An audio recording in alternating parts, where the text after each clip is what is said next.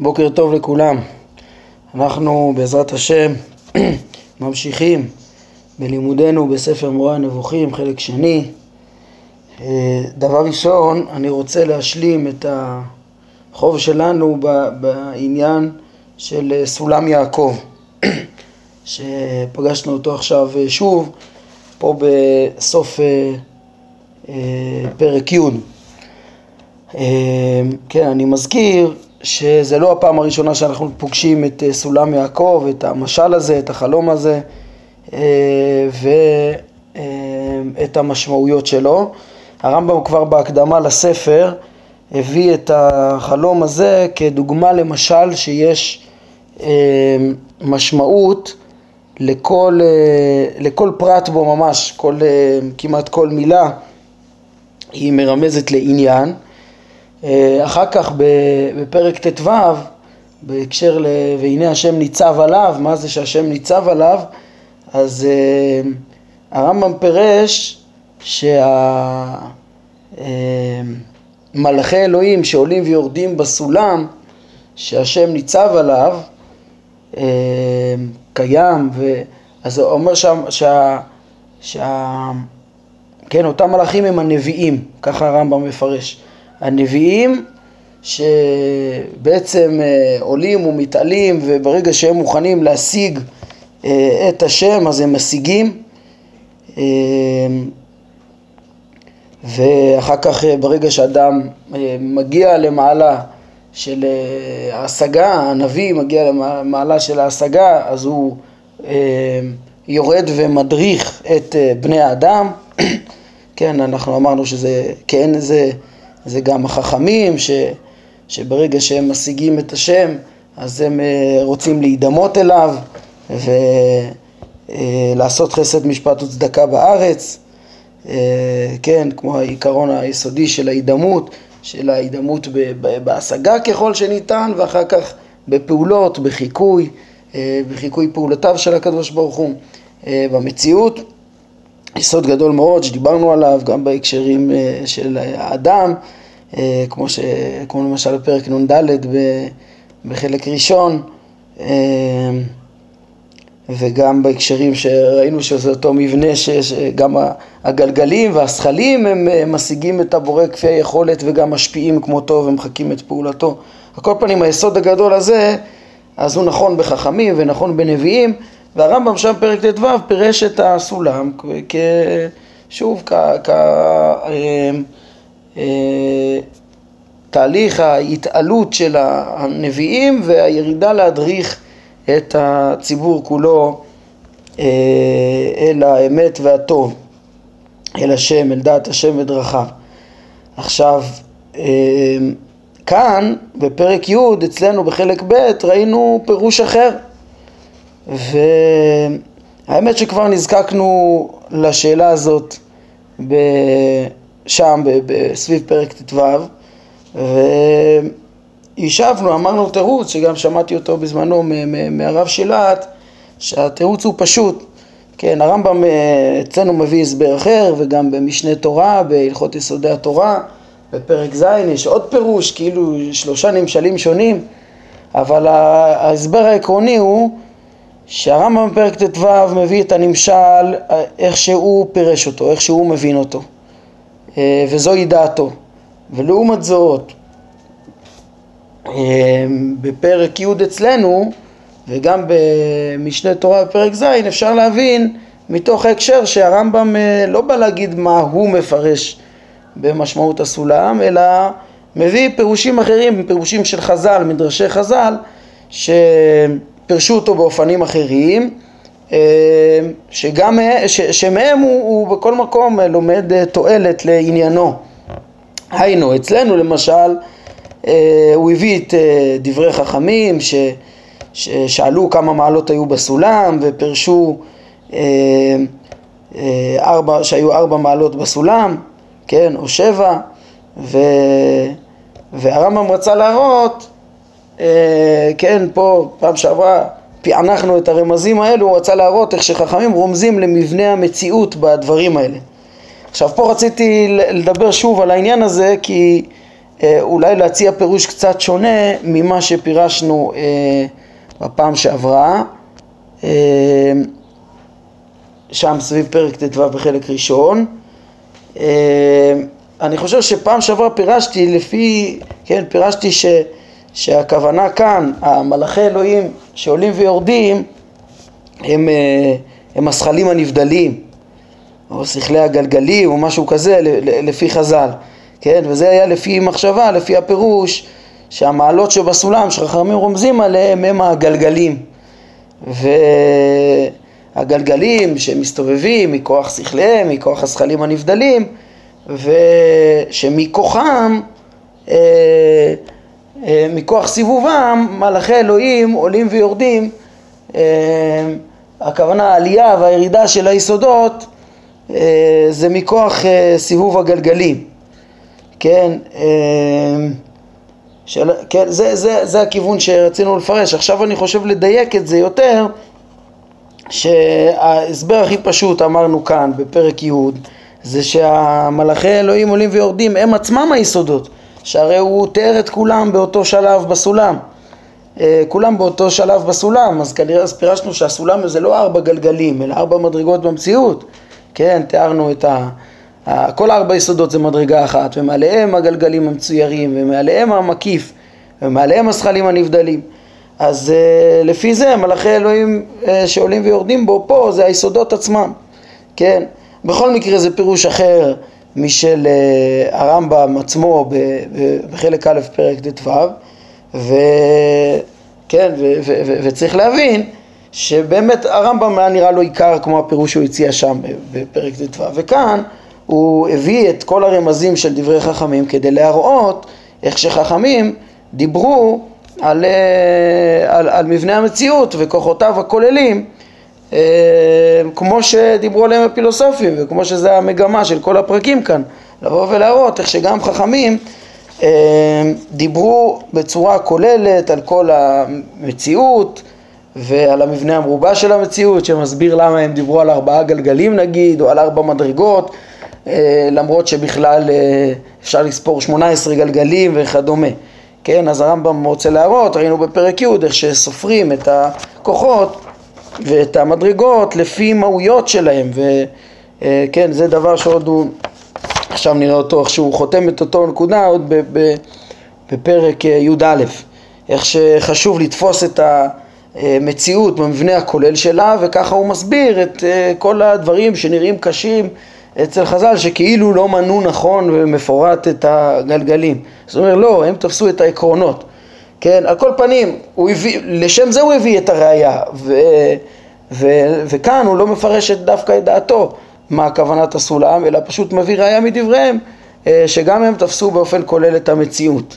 כן, הרי הראייה גם שפה, פה, הרי שם הוא לא רמז ולא התייחס ל... ל לארבע מדרגות ולכמה שלבים היו בסולם, שזה דבר שבכלל לא נמצא במקרא, כן? והוא פירש אה, בחלק א' לפי פשוטו של מקרא ועומקו וסודו, וחכמים הוסיפו אה, אה, את, ה, את השלבים כדי ללמד את מדרגות המציאות וזה מה שהרמב"ם רצה ללמוד. על כל פנים דייקנו, אז את התשובה העקרונית השארנו, רק שדייקנו ופירשנו שמלאכי אלוהים פה זה נראה יסודות, לפי מה שנראה לי עכשיו.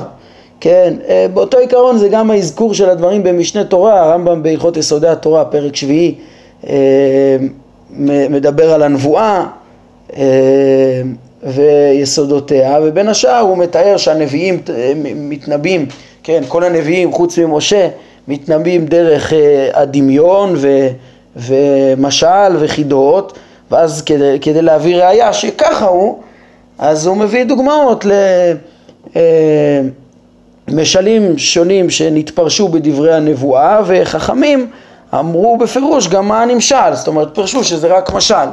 ואחד הדוגמאות זה הסולם שראה יעקב אבינו ומלאכים עולים ויורדים בו שהוא היה, אומר הרמב"ם, הוא היה המשל המלכויות ושיעבודן, כן, ככה אני חושב בראשית רבה שמה אה, מפורש. אמ, אחד, ה, אחד הנמשלים שחכמים מביאים וכל מה שהרמב"ם רוצה להוכיח שם זה רק שיש דברים בנבואה שהם רק משלים ויש להם נמשלים. אז בשביל מה לא עכשיו להתחיל לפרש נמשלים קשים אה, ולא מובנים מאליהם, אה, הוא רק רוצה להוכיח שזה משל ויש לו נמשל, אז הוא מביא ראייה ממדרש, שכבר המדרש אמר שזה משל ויש לו נמשל, וה, והנמשל שאמרו חכמים, הביא אותו לצורך העניין, משל המלכויות ושיעבודן. אם כן, זה התירוץ העקרוני והדיוק שלו, ובזה מילינו את החוב שהיה לנו מהשיעור הקודם. ועכשיו ניגש בעזרת השם להתקדם בפרק י"א. כן, שכבר אמרנו, הפרק הזה אמור ככה אה, לסגור לנו יחידה קטנה של אה, שלושת הפרקים, ט', י', י"א, ששייכים לאותו עניין, ועוד בסיום החטיבה הכוללת אה, נדבר על המבנה של הדברים בעזרת השם. אומר הרמב"ם, דע שהעניינים האסטרונומיים האלה שצוינו, אם יקרא אותם ויבין אותם אדם הבקיא רק במתמטיקה בלבד, יחשוב שהם הוכחה חותכת שכך הם צורת הגלגלים ומספרם. אך אין הדבר כך, כן אם אדם ילמד על כל אה, אה, הראיות המתמטיות, החישובים הגיאומטריים של אה, מניין הגלגלים וכדומה, מסלולי הכוכבים אה, אה, שהרמב"ם ציין באופן כללי, הוא יכול לחשוב כאילו יש הוכחה חותכת אה, מה הם ה, כן, המסלולים של הכוכבים והמיקומים שלהם וכדומה. אבל אומר הרמב"ם, אכן הדבר כך, ולא זה המבוקש במדע האסטרונומיה. זה לא, לא כל דבר מוכח וזה גם לא מה ש, שמחפשים האסטרונומים, כן? לבוא ולקבוע בצורה מדויקת מה המבנה אה, ש, ו, ו, והמסלול של כל כוכב ו, וכוכב, כן? אה, אומר הרמב"ם, אלא מהם דברים מוכחים שהם כך, יש דברים שהוכיחו אותם, כמו שהוכח שמסלול השמש הוא מסלול הנוטה מקו המשווה, ו, ובזה אין ספק, כן, כמו שהרמב"ם כבר דיבר על זה, אני חושב פרק ד', הביאו שם גם אה, שרטוט שמראה את ה... כן, זה בעמוד 45, אתם יכולים לראות את הנטייה של השמש, איך שהיא, אה, כן, ביחס לכדור הארץ. אפשר להגיד שכדור הארץ נוטה, לא משנה, היא לא עוברת אה, כנגד אה, הקו המשווה השמימי, אה, וכן, אז, אז זה דבר שכבר אה, הוכח, כן, ובזה אין ספק. המסלול השמש הוא מסלול הנוטה מקו המשווה, ובזה אין ספק, אך, אך אין הוכחה כן, אז זו דוגמה של, לדבר שהצליחו להוכיח אותו על פי חישובים אה, מתמטיים גיאומטריים. אבל לעומת זאת, יש דברים שבכלל אין בהם הוכחה. אין הוכחה אם יש לה גלגל אקסנטרי, כן, גלגל מחוץ למרכז, או אה, epicycle, גלגל היקף, גלגל שכאילו מונח על ההיקף, כן, מושגים שכבר פגשנו אותם, ותראו את האיורים פה למעלה הם מתארים גלגל שלא... אה, כן, גלגל השמש נגיד פה, הגלגל הגדול שהוא לא סביב המרכז של כדור הארץ, שזה יכול להסביר אה, תנועות כאילו ש, ש, שנצפית השמש כאילו נעה בקצב שונה בהתאם לזווית אה, של הראייה שלה במסלול שלה, כן, או כאילו תאוצות ותאותות אפילו שבאמת, כן, רק למראה, עין, אפילו שבאמת יש לה כאילו קצב אחיד. אה, זה ה... אה, אקסנטרי שהמרכז שלו הוא חיצוני אה, במקום אחר, או epicycle זה בעצם אה, מעגל, ש... גלגל שהוא נמצא על ההיקף, כדור קטן שנמצא על ההיקף נוסף והוא גם כן, הוא בעצם גורם לראייה של שינוי בקצב של הסיבוב שלה. של אותו כוכב שתקוע בעצם בתוך גלגל קטן על גבי הגלגל הגדול. אה, כן, אז אומר הרמב"ם נגיד לגבי השמש, כנראה שהצליחו להסביר את הצפיות שלה גם בתבנית כזאת וגם בתבנית כזאת, כן, אז זה, זה למשל דבר שלא הוכח, אה, איך באמת אה, בנויה, בנוי הסיבוב של השמש, כן, ואומר הרמב"ם אין זה משנה לאסטרונום, זה לא מה שהאסטרונום מחפש, לא מעניין אותו בדיוק איך הדברים עומדים במציאות, זה, זה לא המטרה שלו, כי מטרתו של המדע הזה היא להציע דגם שבו כל כוכב נע באופן אחיד, סיבובי, בלי תאוצה ובלי תאותה ובלי שינוי, כשמה שמתחייב מן התנועה הזאת יתאים לנצפה, כן, זאת אומרת, קודם כל מה שהאסטרונום הוא רוצה אה, להבין את הדגם של הכוכבים כדי לדעת, כן, לצייר איזה דגם שמתאים לצפייה, איך רואים את הכוכבים, לא משנה לו אם זה בגלל אפיסיקל או בגלל אה, גלגל אה, אה, אקס, אה, אקסנטרי, זה לא משנה, העיקר שהוא רוצה לדעת, לחזות את ה... את ה איך יראו הכוכבים, כן, אה, בשביל לקבוע לוח, בשביל אה, אה, וכדומה, כן, זה, זה, זה בעצם מטרת האסטרונום, זה לא מעניין אותו איך זה באמת, איך באמת זה בנוי, אלא איך זה יתאים לו לנצפה, כן, והוא מוסיף, ויחד עם זאת השתדל למעט ככל האפשר בתנועות ובמספר הגלגלים, כן, בהתאם לזה שגם לא מעניין אותו איך זה בדיוק בנוי, אז האסטרונום מנסה לקחת המבנה הפשוט ביותר, ללכת עם המבנה הפשוט ביותר שיעזור לו פשוט לחשב את הצפיות, אה, כן, המבנה הפשוט ביותר שמסביר את הצפיות שנראו כדי להבין גם את הצפיות לעתיד ובזה הוא, הוא, הוא משתמש, כן. אה, אפשר אולי לדייק פה ולהוסיף שלא רק האסטרונום שמחפש את הצפיות, שמעניין אותו איך נראים הדברים מכדור הארץ, הוא אה, מחפש את הדגם הכי פשוט, אלא גם הפילוסוף. כן, אנחנו נראה בפרק כ"ד, בחלק הזה, הרמב"ם אה, יסביר גם חילוק בין המגמות של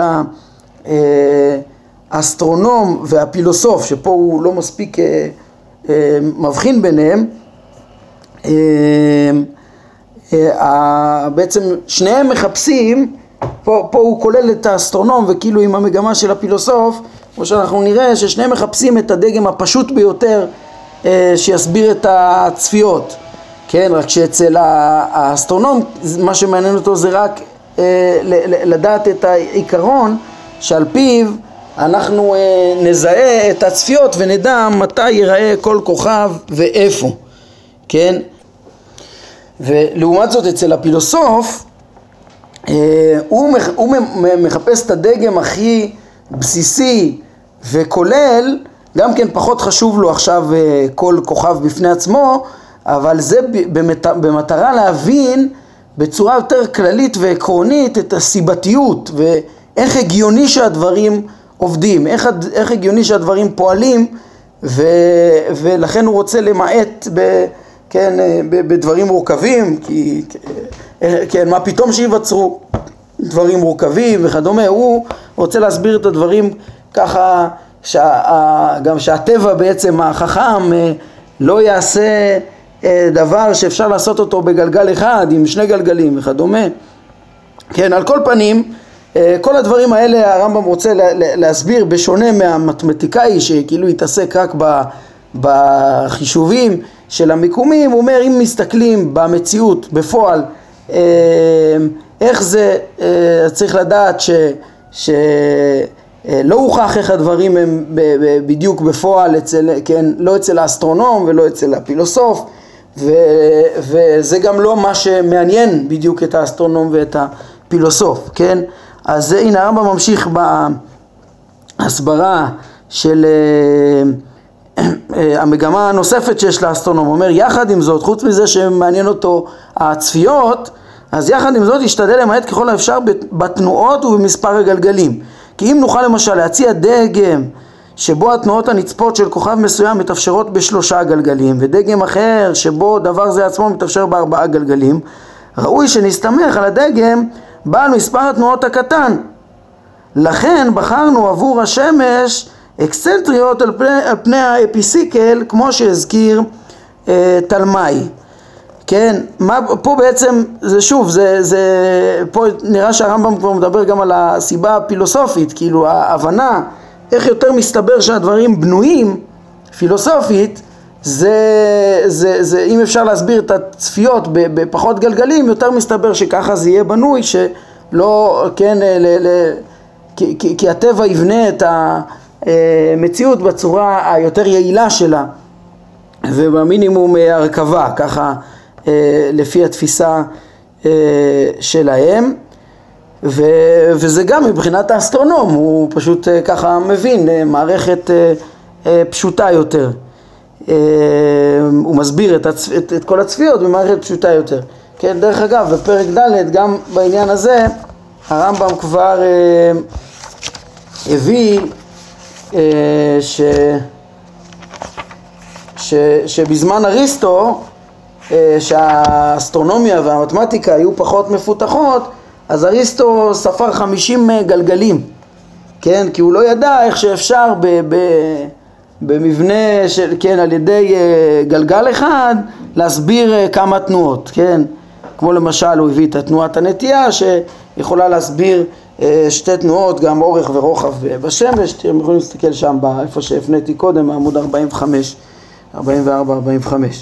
כן, אז uh, בפרק uh, כ"ד הרמב"ם מאוד יגיד יותר מזה, שלדעתו, כן, אריסטו בכלל לא לא הכיר את, את כל המורכבויות של האסטרונומיה שבזמן הרמב"ם כבר נודעו וכמה קושיות נפלו במבנים האלה וכן הרמב"ם אה, עד כדי כך וכל כך הרבה קושיות שיש על זה בסוף הוא אומר ש, שזה הראיות הכי גדולות לזה ש, ש, שזה דברים שלא יכולים להיות אוטומטיים. כן הרמב"ם אה, יכל לקבל את, ה, את, ה, את המבנה של העולם ב, ב, ב, באופן כללי כמו ש ציירו אותו אה, הפילוסופים ותלמי וכדומה אה, רק בעקבות שהוא מאמין שהקדוש ברוך הוא ברא יש מאין והוא אה, יכול לברוא דברים ככה גם כשאנחנו לא יכולים להבין את הסיבתיות שלהם ואת הדברים שלהם. טוב כמו שנראה את כל הדברים האלה עוד בעזרת השם בפרקי הבריאה. על כל פנים מה שהרמב"ם חשוב לו בינתיים להגיד לנו מה ראינו פה בתחילת הפרק אומר לנו תדעו לכם המבנה המדויק של השמיים זה לא דבר ידוע בדיוק, כן? יש אה, אה, אה, אפשרויות שונות להסביר דברים שבכלל לא הוכחו במסלולים שונים, וזה גם לא בדיוק מה שמטריד אותנו ומעניין אותנו כרגע, אומר הרמב"ם. זה לא מה שמטריד לא את האסטרונום ולא את הפילוסוף, כן? כי האסטרונום מחפש את הנצפה, והעיקר שהוא יבין אה, איך אנחנו נראה את הכוכבים מכדור הארץ, ולא משנה איך הם בנויים בדיוק. והפילוסוף רוצה להבין את העיקרון הכללי שקיים במציאות כדי להבין את מהויות המציאות וגם פחות חשוב לו עכשיו כל פרט. אלא העקרונות הכוללים, העקרונות הכוללים כמו שהרמב"ם מאוד יסכם לנו פה זה גם מה שחשוב לנו בעצם בחוכמות מעשה בראשית ומעשה מרכבה להכיר את העקרונות היסודיים, את הרשיות שיביאו אותנו להכרת הבורא כמה שניתן. אז זה מה שהרמב"ם עכשיו מסכם, הוא אומר טוב בהתאם למטרה זו כן, בהתאם למטרה זו, כיוון שהשגנו את כל, התנ... אה, אה, את כל תנועות כוכבי השבט כתנועה אחידה שאינה משתנה ושמצביהם אינם משתנים זה מזה, הסקנו שכול... שכולם בגלגל אחד, כן, ראינו כבר שהרמב"ם בפרק הקודם אמר לנו, שכן, בפרקים ט' י', למדנו שכן, הוא הכליל הכליל את הגלגלים ואת כל כוכבי השבט, כלל אותם בגלגל אחד. כן, אז אומר הרמב"ם, זה הכל בהתאם לאותה מגמה של, אה, של ניסיון הבנת הכוחות הכוללים, העקרוניים, הרי הוא אומר, בכל כוכבי השבט הם, אה, אה, הם בסך הכל יש להם תנועה בסך הכל אחידה ודומה, כן, עם שינויים מעטים. יש שם כמעט, כמעט אין שם שינויים ולכן כנראה שכולל אותם כוח אחד ומכלילים אותם בכוח אחד. כן, אז רק מוסיף הרמב"ם, אה, זה שאנחנו אומרים שכולם גלגל אחד, אין זה מן הנמנע שכל כוכב מהם יהיה בגלגל בפני עצמו ותנועת כולם אה, תהיה זהה ולכל, הגל, אה, ולכל הגלגלים אותו ציר ואז יהיו השכלים כמספר הכוכבים, כמו שנאמר, היש מספר לגדודיו, או ככה הרמב"ם עכשיו על הדרך מסביר לנו גם, אה, אה, אה, כן, אה, פסוק שיכול להיות מאוד קשה, כן, יש מספר לגדודיו, אומר הרמב"ם כשהכוונה לריבוים, כן, איך, איך, איך, איך הפסוק אומר שאין סוף, אה, כן, שכאילו יש להם מספר גדול אה, לגדודי מלאכיו של אה, השם. הרי, כן, מי שיודע מדע ופילוסופיה, אז אפילו אריסטו לא נתן אלא חמישים גלגלים, כן, ולא יותר, ואחר כך עוד מיעטו את זה, בזמן הרמב"ם הגדירו את כל הגלגלים בכ-18, ראינו בפרק ע"ב בחלק א', וככה הוא כותב בהלכות יסודי התורה, כן, מה, מה, מה זה יש מספר לגדודיו? כן, אז הרמב"ם מסביר איך, איך אפשר להבין את, ה, אה, את, את הפסוק הזה. הוא אומר, כי כל, כל הזכלים וגרמי השמיים והכוחות כולם גדודיו. והכרח שיהיה מספר למי, למנייניהם, כן, אז הרמב"ם אה, קודם כל הוא רוצה להגיד, הוא רוצה לשלול פה פירוש שזה אין סוף, יש מספר לגדודיו, היה אפשר להבין את זה כאילו יש הרי אין סוף, יש אין סוף אה, אה, שכלים נבדלים ו, ו, ו, וגלגלים אז הרמב"ם אומר לא, הכוונה רק לריבוי, הרי זה בלתי אפשרי שיהיה אין סוף, כן, למדנו את זה כבר בהנחות, איך שאין דבר כזה אין סוף גלגלים, כן, ולמדנו כבר שמספר הזכלים הם כמספר הגלגלים בפרק ד', כן, אז לא יכול להיות שיהיה אין סוף אז אלא הכוונה שיש הרבה, אבל עדיין איך יכול להיות שיש הרבה? הרי כמה גלגלים אנחנו סופרים? שוב, חז"ל ספרו פה ארבע, אה, הרבה ספרו אה, או עשרה, שמונה עשרה, חמישים נגיד, שגם זה לפי הרמב"ם לא נכון, מה פתאום, מה פתאום אה, לתאר את זה כאילו אין מספר, אה, כאילו כל כך הרבה, אז הרמב"ם מיישב את זה על הדרך ומסביר ש...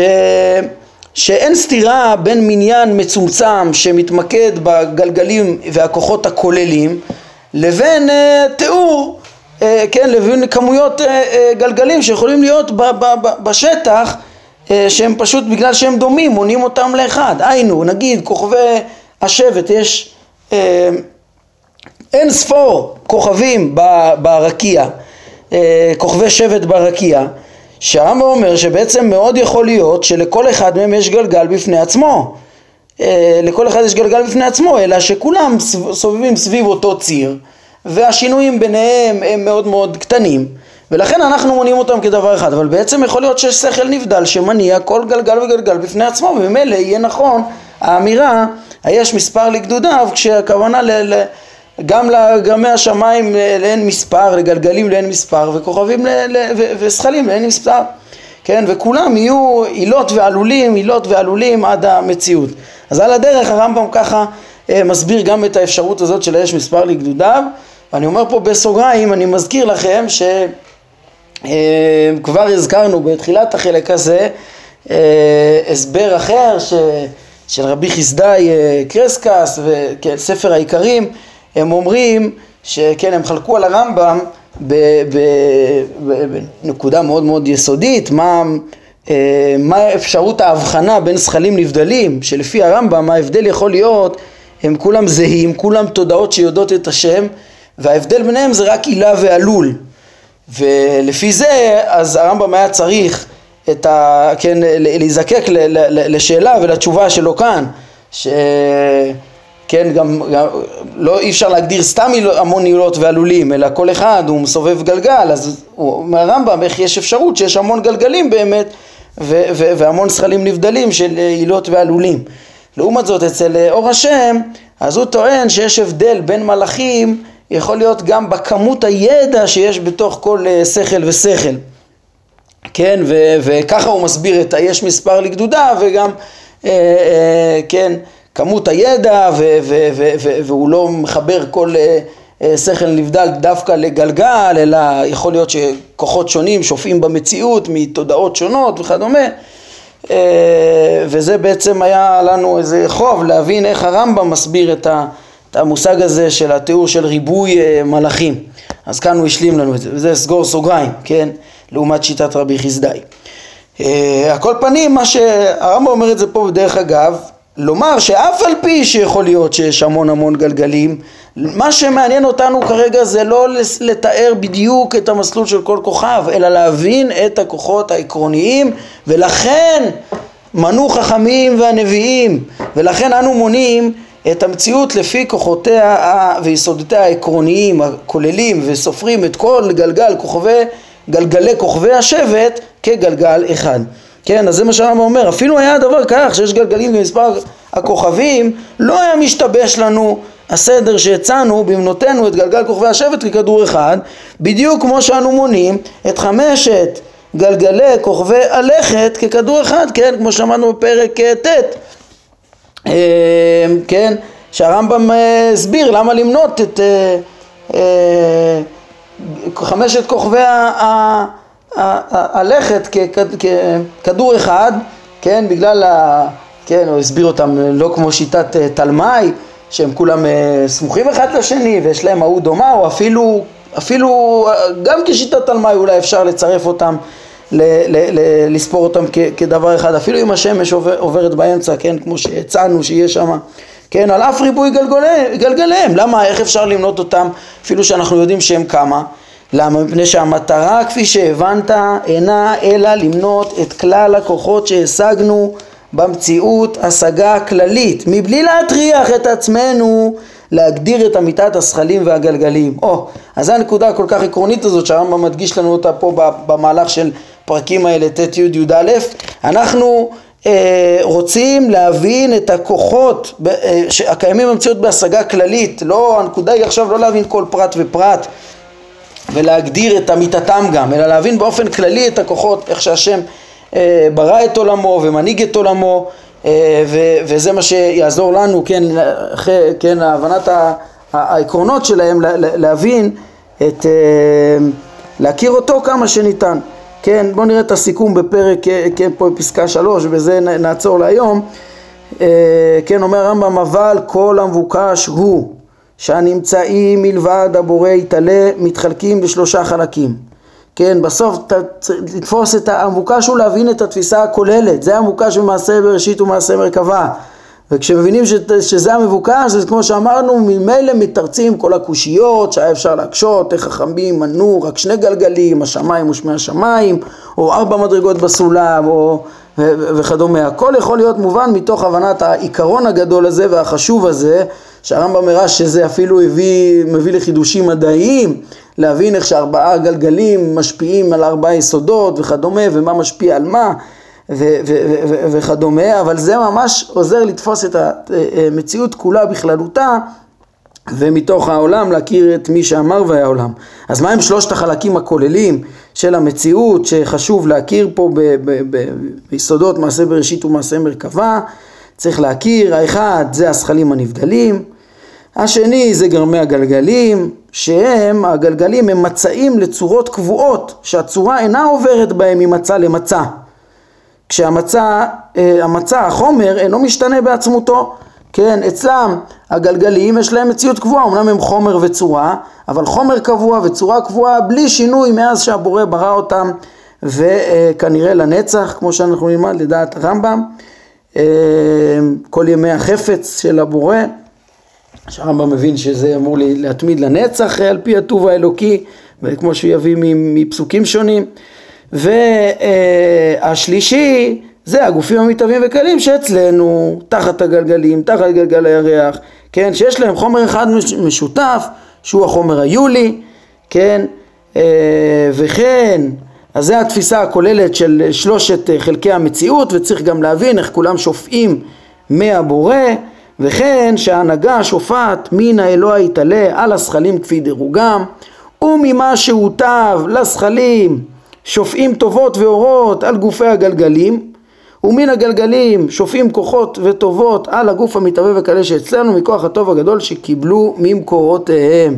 כן, טוב פה הוא, הוא מסביר את ה, איך שהכל, אה, איך, איך השפע וההנהגה האלוקית שופע מאת, מאת הבורא לזכלים, לגלגלים ואז ליסודות שלנו והוא מסביר את זה באופן מסוים שעוד אה, נעמוד עליו בעזרת השם אה, בפעם הבאה בפסקאות הקרובות הרמב"ם אה, מסביר גם עוד איזה עיקרון חשוב בפרט הזה, בהבנת ההנהגה השופעת מה, מהבורא על המציאות למדרגותיה הללו ועוד יעמיק בזה בפרק הבא גם כן.